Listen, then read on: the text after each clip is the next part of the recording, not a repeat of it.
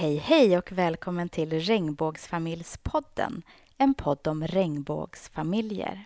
Här får du träffa personer som berättar om hur de har skaffat familj och vart du kan vända dig om du vill ha tips och råd inför kommande föräldraskap. Hej och välkomna till Regnbågsfamiljspodden, Eva och Anna. Hej! Tjena! Hur är läget? Det är bra. Mycket bra. Klockan är nio. Barnen sover. Det är bra. Precis som det ska vara. Vi ska prata lite om IVF och er resa till eh, lilla Greta som är lite mer än två år nu. Tiden går fort. Ja, två år, två månader. Nästan. Mm, så är det. Om man börjar med hur ni kom fram till hur ni ville ha barn. Berätta lite om det. Hur vi vill ha barn eller att vi vill ha barn. Att ni vill ha barn. Det var nästan en icke-fråga. Det var nog ganska givet, tror jag. Du har ju, hade ju barn sedan innan också. Ja men precis, vi har ju liksom ett barn med in i relationen. Nej men eh, det var egentligen aldrig någonting vi pratade om aktivt. Vi eh, bollade lite det här innan för att försöka komma fram till när det faktiskt var. Men vi kom fram till att vi köpte den här lägenheten som vi sitter i nu, 2010. Och när vi köpte den så var den egentligen lite för stor för hur många vi var. Men vi hade egentligen aldrig pratat om varför vi köpte en för stor lägenhet. Det var liksom underförstått att, att, att vi skulle bli fler. Och sen så var det ju också givet att få ett, alltså det känns som att ett syskon till Ebba var viktigt. Också. Ja, verkligen. 2010 eh, köpte vi den här och flyttade ihop. Ja. Eh, så det var typ då, men vi började ju leta, i början av 2010 började vi leta lägenheter. Och redan då vi tittade ju på, Alldeles för stora lägenheter. ja men med tanke på det. Men som sagt inte så aktivt pratande om det. Eh, Men, men det fanns där, det har funnits där hela tiden. Vad hade ni för tankar innan ni startade? Ja, men jag tror att det var lite så tid att också med Ebbas ålder. eh, Att vår ambition från början var att de skulle vara lite tajtare i åldrarna. Eh, Och vi visste ju att det rörde sig om en kö som var liksom ett till två år, var det man hade hört. Eh, Så då kändes det som att nej, men, det är dags att dra igång processen så att det inte blir för långt mellan, mellan barnen. Ja men precis, Ebba var ju tre Ja. när vi började köa. Sen gick det ju hyfsat fort, den här kö, köandeprocessen. Mm. Det tog ganska precis ett år. Tog det. Den var det av sig. Mm. Från bebisfabriken. Alltså Ja, Huddinge. precis. Så att någonstans vi bestämde oss, eller liksom pratade mer aktivt om 2010. Någon gång 2011 startade vi hela processen att komma till kön. För även innan, innan kön så ska man ju göra spolningar och annat spännande. Och sen så 2012 kom vi fram. Så var det. Mm. Hur bestämde ni vem av er som skulle bära? Det var faktiskt också jätteenkelt. Jag har aldrig varit jättesugen på att bära barn. Och jag ville bära barn. Så att det, var, det var enkelt och sen så var det nog också lite att, att du har alltid sagt att du ska ha en mini-Eva. Ja, verkligen. Det måste vara det bästa, tänker jag. Fantastiskt. Eh, har ni funderat någonting på eh, valet mellan att göra det i Sverige kontra att åka till exempel till Danmark? Var det tanken ni hade? Ja, jätte, jättemedvetet och aktivt val att välja Sverige. Av flera olika aspekter egentligen. Ja, det var liksom då som vi resonerade var det framförallt två. Den ena var ju det juridiska i form av att man vill vara, båda ska vara eh, ja, men föräldrar från början egentligen. Och om det skulle hända något med den som är gravid under liksom, födsel. Att det faktiskt är att det var liksom ditt barn om jag inte skulle Det klara funkar ju mig åt alla håll och liksom, kanter. ja. Det finns ju någonting som är ganska, ganska givet det här med att båda ha skyldigheter och rättigheter. I liksom, allt kan hända. Nu tror jag aldrig att jag var orolig för att du skulle lämna mig under en graviditet. Men rent krasst så kan allting hända. Mm. Och på något sätt så är det rätt skönt eh, när, när man aldrig kan dra biologikortet. Mm. Att, att man har samma både rättigheter och skyldigheter. Så det var ena grejen liksom, Ja, det var som var nummer ett. ändå skönt. Och sen så nummer två var ju, i alla fall då, vår uppfattning var att man på den tiden inte kunde i Danmark få reda på vem som var donatorn. Eh, och för oss var det viktigt att, eller jag, jag gillar tanken kring att när både Ebba då, som också gjort på Huddinge och, och Greta, eh, när de blir 18 att de kan få Möjligheten. Ja, precis, ha möjligheten att ta reda på vem som har donerat spermierna. Eh, så att de inte hamnar i det här ja, men svarta hålet, sökandet. Liksom. Det finns ett svar där om de är nyfikna, men de behöver inte. Så det, den tycker jag är trygg. Och samtidigt som jag inte skulle vilja heller sitta i en katalog och göra massa val. Utan det får vara lite liksom, Någon som väljer åt den. Ja, men things happen. Ja men så är det. Mm. Och det är skitcoolt. Vi pratade om det alldeles nyss att um, Ebba är lite äldre och på den tiden var det så få par som passerade genom Huddinge att, att man fick sis, sitta med syster Eva som var gud över, eller gudinna över spermabanken. Som faktiskt försökte hitta en donator som matchade den som inte bar barnet. Så var det inte riktigt nu på samma sätt. Även om hon har haft stenkoll rakt igenom. Vi hade ju turen att få möta henne igen. Mm. Eh, nu har hon tyvärr gått i pension. Tror hon är rätt nöjd. Ja, förmodligen. Eh, om man eh, tittar på mm, lagar och regler och antalet försök och sånt. Ni var inne lite på kötid och hur länge ni stod i kö. Men det ser lite olika ut i Sverige, olika landsting. Eh, hur tycker ni att den informationen var för er? Ja, mer eller mindre icke-existerande skulle jag säga. Eh, väldigt otydligt. Jag tror att Det var ett svart hål innan man väl kom dit. Ja. Och när, väl, när vi väl hade kommit fram i kön, så det faktum vi ställdes inför var Ja, i dagsläget så är det så att man får tre inseminationsförsök och en IVF var det som kommunicerades egentligen. Mm. Eller skulle man byta de där inseminationsförsöken mot två IVF tror jag var Okej. något som sades, vill jag minnas. Nu valde ju vi att köra insemination först. Men, eh, Men innan vi kom dit hade vi faktiskt ingen aning om vad det skulle innebära och eh, mycket spekulation. ja, och det, även under resans gång så tycker inte jag att det var kristallklart. Alltså Mm. allting, i alla fall inte när det kom till... Ja men, det hände ju mycket på vägen. Liksom. Vi hade också en lite brokig väg. För vi satte igång den här processen eh, och gjorde ett inseminationsförsök. Tills man kom underfund med att eh, Ja, men de gjorde, vi kom ju fram och så hade vi våra psykologsamtalen och det som man har. Eh, och sen drog det igång, alltså, sen åkte vi dit och de bara, nej men då, då kör vi då. Och då hade jag inte gjort några blodprover, ingenting. Ehm, och de bara, vi kör. Och så gjordes ett försök och det gick inte vägen. Ehm, och sen skulle vi göra ett försök till och då mm, sa de, "Men, s- eh, stopp, du, måste, du ska ta blodprover. Och jag tog blodprover och då säger de så här, nej men du har eh, eh, för låga värden så du måste äta Levaxin. Och då hade vi ju liksom gjort ett försök de här och värdena då uppenbarligen inte haft liksom rätt förutsättningar. Och då var ju det en ganska lång process att ställa in det där till rätt. Så då alldeles plötsligt blev det ju en paus på flera månader som var bara för att lösa den frågan. Och då var man ju tillbaka till det här med då antal försök. Skulle den där räknas då den där första gången som då uppenbarligen inte var gjord på rätt, med rätt förutsättningar? Det blev väl det aldrig en, det var väl en dialog som vi säkert hade tänkt att ta upp om, om det inte hade gått vägen till Ja, slut. säkert. Men, Det blir lite så här att man sparar på ammunition. Mm. Eh, eller argumentation, givet att man vill alltså, naturligt vill man ge det så många försök som bara möjligt. ja, Mm. precis. Faktiskt. Men sen så styrde de in dit, det där eh, värdet som du Mm. behövde käka Levaxin för. Och sen vart vi ju faktiskt gravida egentligen på andra Inseminationen. Hormoner.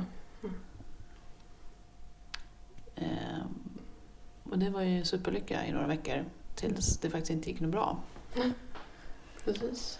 Sen blev det ett missfall som vi upptäckte när vi kom till första, Ultraljudet. som, ja, där på Huddinge. Då. Mm. Och då blev det ju igen liksom paus. För då, det är ju en process i sig. Eh, att eh, få missfall. Och dessutom ett missfall som inte kom ut. Så då var man tvungen att köra skrapning och hela den, hela den processen. Och massa sorg och bara superjobbigt. Kände ni att ni fick stöttning från Huddinge då i den processen eller? Nej, alltså den var lite konstig tycker jag. Alltså dels var det ju, alltså när, när det här upptäcktes då, det här ultraljudet, så var ju det en, en historia. Då hamnade vi ju tyvärr hos någon som, där vi inte mottogs särskilt väl. Var någon som liksom började, ja men osa, osäkerhet och liksom mm, körde runt där med den här manicken och man bara fattade att det var någonting fel. Mm. Eh, och hon bara, nej men eh, ni får komma tillbaka om två veckor. Och då var jag faktiskt skitförbannad och sa så att jag tror att du får gå ut och måste skicka ut någon annan som kan och vill kommunicera med oss Mm. och berätta vad det är som händer. Därför att det här känns inget bra. Och då skickar de in eh, en av överläkarna som konstaterar att nej men det stämmer, det här har inte gått vägen. Och hon var ju jättebra. Var det var ju liksom inga... Så är det. Så att, men, det är, men det är en jättejobbig upplevelse. Ja men och sen så slussas man ju bort. Då ska man ju liksom... Då är man ju inte... För då är man, man är ju på Huddinge, det är ju där inseminationen sker. Men sen då när det krävdes att man ska... Och då fick man ju de här tabletterna för att man ska skjutsa ut eh, fostret. Eh, men när det inte funkade sen, då var det ju liksom inte, det var ju inte Huddinge utan då alltså plötsligt ska man ju ta kontakt med en annan del av vården för att då göra själva skrapningen. Så att det kunde jag tycka liksom att ja, det är rätt tungt att man då själv ska göra det. Sen så är det klart att det är väl så det är liksom. Men det kommer jag att jag upplevde som lite så här, ja men jobbigt. En önskan om att man blir hållen lite mer i handen. Ja men faktiskt. Mm. Men den pucken tog vi oss över. Mm. Och ett tredje inseminationsförsök som det inte blev någonting av. Nej. Och då var det dags för IVF. IVF. Efter, ett sommaruppehåll. Det är också en utmaning med svensk sjukvård när man sitter på, på den sidan som vill ha hjälp. Det här med vi är öppet måndag till fredag, 8 till 5 helgfria dagar och inte under lov. Vilket gör att de här perioderna när man kan få hjälp börjar bli, snabbt bli ganska begränsade. Ehm, så tiden tickar väl på egentligen. Och sen så är det plötsligt höst. När då? Hösten 2013 drar IVF resan igång. Ja. Mm. Och hur gick den behandlingen till? Ja men den var ju i och för sig liksom relativt eh, smärtfri tror jag i jämförelse med många andra. Eh, ja men dels ansåg man ju då att jag mådde, eller alltså, allting såg så pass bra ut att jag kunde göra den, den enkla varianten om man säger. Så att det behövde då inte nedregleras för att sen eh, trycka in hormoner utan det här skulle göras i naturlig cykel med endast hormontillskott. Då. Eh, så på så sätt var ju det skönt. Eh, Så då var det bara, bara sprutor. Sjukt imponerad hur du bara gjorde det där. Vi var på massa fester och bara försvann iväg och bara... Ja, det var ju faktiskt världens, det var en galen höst. Mm. Dels var det väldigt mycket jobb och ja, men mycket, allt var bara mycket och så sprang, sprang man in på toaletter och liksom en bättre knarkare och körde in sprutor i magen på sig själv. Mm. Men det, det, ja, jag hade inte något större problem med det. Eh, Dels är det ju de här pennsprutorna som jag tycker de är inte så farliga. Eh, Det är liksom ett knäpp så är det klart. Sen på slutet får man ta några som är mer som riktiga sprutor. De känns lite mer men ja, det var ändå okej. Mm. Och under tiden så tittar man till dina äggblåsor med ultraljud. Ja men precis. Man ehm, får ju då, man, man har ju ett bättre klippkort på att ta sig till Huddinge eh, under de här perioderna. Så att, ja, då åker man in och eh, gör ultraljud. Och, och kollar då att den här hormonstimulansen fungerar och att man får ja, ägg, de här blåsorna som förhoppningsvis innehåller ägg, det vet man ju inte heller. Men indikationen är ju att om du har mycket blåsor så går behandlingen bra och sen så kontrollerar man också att man inte har för mycket blåsor, det vill säga att man har blivit överstimulerad för då måste man agera på det. Eh, Så det handlar om att vara precis lagom. Eh, nej men så det gör man. Eh, Och jag kommer inte ihåg hur många gånger vi gjorde det, men det var säkert två gånger gissar jag Mm. under den här perioden. Mm. Som då känns som en evighet men den var väl inte mer än några veckor. Mm. Och sen plockar man ut dem. Hur fungerar det med äggplock? Berätta. Alltså jag som satt vid sidan av tyckte att det var betydligt jobbigare än vad du tyckte att det var, vilket är helt sjukt. Ja, nej men då eh, kommer man in och det, då får man ju vara mer i en eh, steril miljö. Då är det ju lite mer liksom, eh, ja, men operationsaktigt givet att du faktiskt ska in och plocka saker ur kroppen på en. Men ja, som sagt, jag upplevde inte det här som jätteobehagligt utan eh, vi kom in och så skulle vi göra det här. Jag hade till och med en, det var en barnmorska som plockade mina ägg. Vanligtvis ska det vara läkare tror jag, men det var en barnmorska. Men henne hade jag träffat innan och hon var kände, liksom, allt handlar väl om ens egna förtroende för den som står där. Jag kände fullt förtroende för den kvinnan. Ehm, nej men så det är en, en ganska häftig nål som min fru höll på att svimma när hon såg. Ehm, sen, men man själv är ju liksom, ja men man har lite bedövning och sen plockar de där. Men för mig var det liksom, ja, det gick snabbt och Mm. smidigt. Och sen hade de fått ut eh, 11 ägg ur den här värphönan så det var ju bra. Ehm, Sen efter det så ska de ju befrukta de här äggen så man liksom måste ju se att de överlever och att de går att befrukta. Ehm, Så då får man ett samtal sen som berättar hur, hur det gick och då för oss var det sex ägg som överlevde av de här elva eh, och som blev befruktade. Och då ska ju ett sen sättas tillbaka ganska omgående Eh, och de andra får ligga och värpa på i, i eh, värmeskåpet några dagar och bli så här, vad heter det, mystoplaster eller vad heter det? Plast och syster. Plastocyster, ja du ser. Mm. Innan är- de fryses ner. Mm. Ja, precis. Och ni satte tillbaka ett ägg. Vi satte tillbaka ett ägg eh, och ganska snabbt då, som inte hade delat sig så många gånger men som de tyckte var tjusigt. Eh, och när man gjorde det första gången så fick man ju sådana här hormon, då fick man även hormonhjälp, eh, det vill säga vaginaler som man stoppade upp några dagar där i kombination. Men det gick inte vägen för oss. Det var ganska många insättningar nu som inte Ja, gick vägen. så att av våra då sex stycken så förbrukade vi fem innan det satte sig. Men det var ju bara den första där vi hade hormontillsättning, annars gjordes de i naturlig cykel då.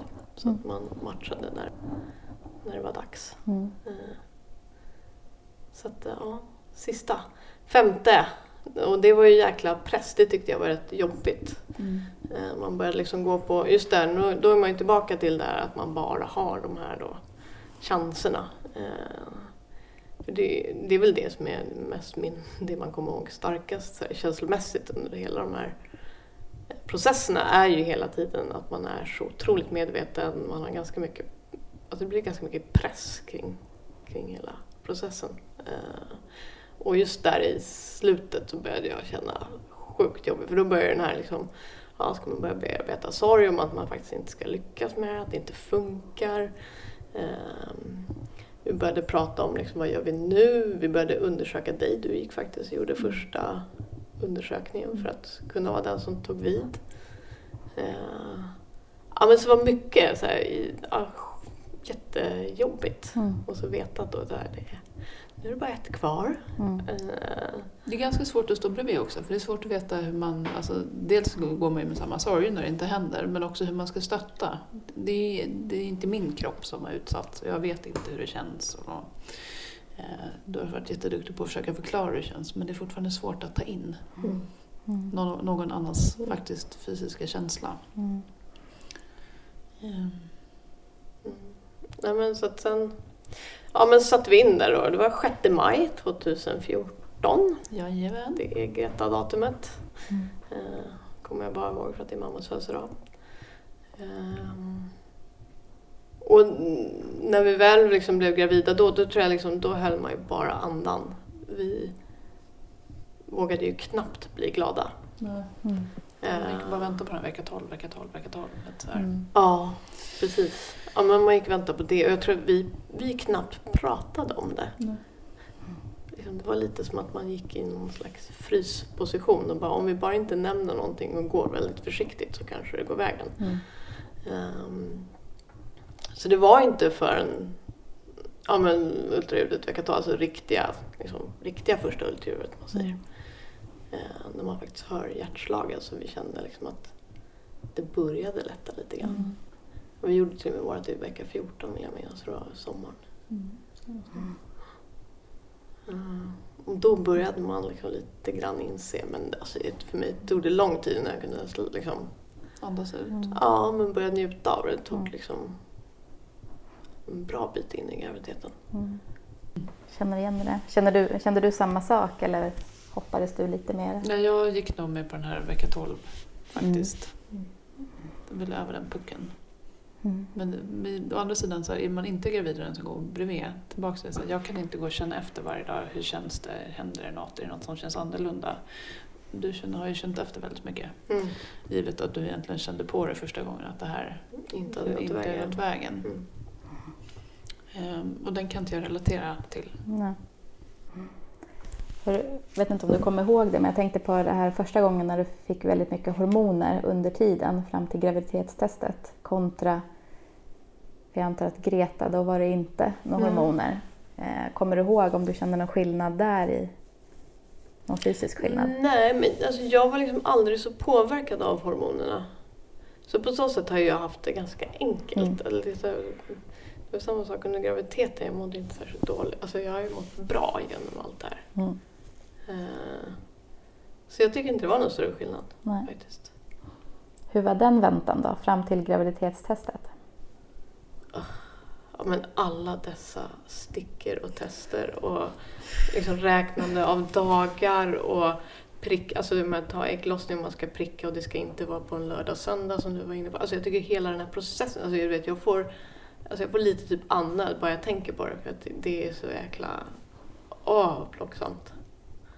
Faktiskt. Men ändå så värt det. Ja, det är ju det. Det är ju det, det är klart. Alla, alla gånger i världen. Alla gånger i världen är det det. Det är ju helt fantastiskt. Och jag, menar, jag kan ju titta på Greta idag och bara... Shit. Det är ju liksom... Det var henne ni väntade på helt enkelt. Ja, precis. Det är ju bara, det är bara gjort om man funderar på det. Mm. Mm. Om man tittar på mödravården då, gick ni... Mamma Mia på Götgatan Mm. hos Lotta Andreasson som är en fantastiskt bra stöd i det här. Hon har ju varit med ett tag. Eh, Hon var ju den som startade Regnbågsprojektet. Eh, Och jag tror vi gick dit av två anledningar. Eh, Dels så var jag där när vi skulle få Ebba och tyckte att hon var fantastiskt bra. Och jag tror att de på något sätt är hbtq-certifierade eller någonting. Men det är inte så mycket det som styr. Men det, det, som är, det är två saker som är jäkligt lyxigt. Ett så tycker jag att det är fantastiskt att vi sattes i en föräldragrupp med andra eh, lesbiska par som skulle ha barn. Vilket gör att man skapar sig ett nätverk och träffar en massa andra människor som är i samma situation som man kan prata med. Superlyxigt. Och sen så är det ju någon form av omvänd diskriminering för att de som är med i Regnbågsprojektet har ju gräddfil eh, till Danderyd. Eh, och det är bara att tacka och ta emot. Och man fick komma dit på förbesök och liksom för att se eh, förlossningsavdelningarna och så här. Prata med läkarna där. Och, så att ja, det var ju lite, som sagt, lite omvänd diskriminering helt klart. Som man förstår för några år sedan var säkert jättebra och lite mer nödvändigt. Jag menar, i, nu i Stockholm i alla fall så tror jag liksom, som jag upplever så är det väl liksom en, en Det är ic- som icke-fråga. lyfter på ögonbrynen om det kommer in ett tjejpar och ska föda barn. Om man tittar på syskon då, har ni tankar kring det eller är ni nöjda nu? Två barn, hund, stor lägenhet. Jobbar lite för mycket. Eh, jag känner mig ganska nöjd. Ja, nej men är vi... ganska trött. Nej men vi ska ju inte ha eh, fler. Jag tror att liksom, jag hade nog kunnat tänka mig det. På ett, liksom, och kan väl fortfarande ha någon slags så här, jag- jag bearbetar nog fortfarande även om jag liksom rent intellektuellt så är det klart kan jag säga. Då, då vet jag att det blir inga fler. Eh, emotionellt så är jag fortfarande i någon slags bearbetningsfas av att inte få göra det igen för att det är lite det är en otroligt häftig resa. Eh, men vi har ju faktiskt två barn. Eh, två fantastiska barn. De är friska och och fantastiska. Mår bra och glada. och liksom. Och, och Selma. Ja. Mm. Eh, hunden alltså. Mm. Men eh, Så att nej, det blir nog inga fler faktiskt. Utan vi gläds åt de små tjejerna vi har. Och tar hand om dem istället. Och varandra. Verkligen. Jag är lite bummed att man har 37 som eh, ålder för äggdonatorer. För jag kände ganska starkt eh, eller så här, jag känner mig otroligt tacksam att jag har fått hjälp att få två barn i Sverige och jag skulle jättegärna vilja liksom betala tillbaka om man kan göra det på något sätt. Så att, eh, jag ringde upp efter att vi var gravida med Greta för jag har sagt att jag inte skulle donera om det var så att jag skulle behöva bära barn själv. Men eh, när vi varit gravida med Greta så ringde jag upp men då fick jag inte lämna ägg för då var jag 38. Mm. Min sambo ställde precis samma fråga och var också för gammal. Mm.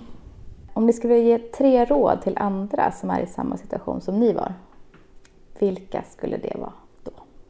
Men jag, ett, känn efter själv. Vad är viktigt för dig?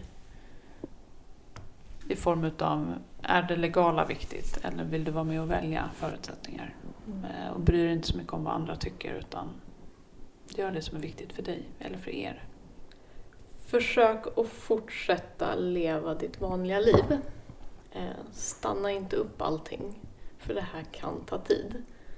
Och det är helt okej, ofta så löser det sig med tiden. Men försök att inte göra för många val för att jag kanske ska få barn om ett tag, utan kör på och försök att tänka så lite som möjligt på det tror jag. Även om det är svårt. Jag tror att fortsätt prata med varandra genom hela processen för det kommer hända massa saker. Och eh, det är en person som använder sin kropp och den andra får springa runt och göra andra saker. Men jag tror att ha en fortsatt dialog hela vägen om hur ni mår och hur ni känner. Och, eh, tillbaks till precis vad ni känner och inte vad ni tror att ni förväntas känna. Så tror jag att det kommer gå jättebra. Mm. För det kan vara tufft. Mm. Men också helt fantastiskt. Sjukt häftigt.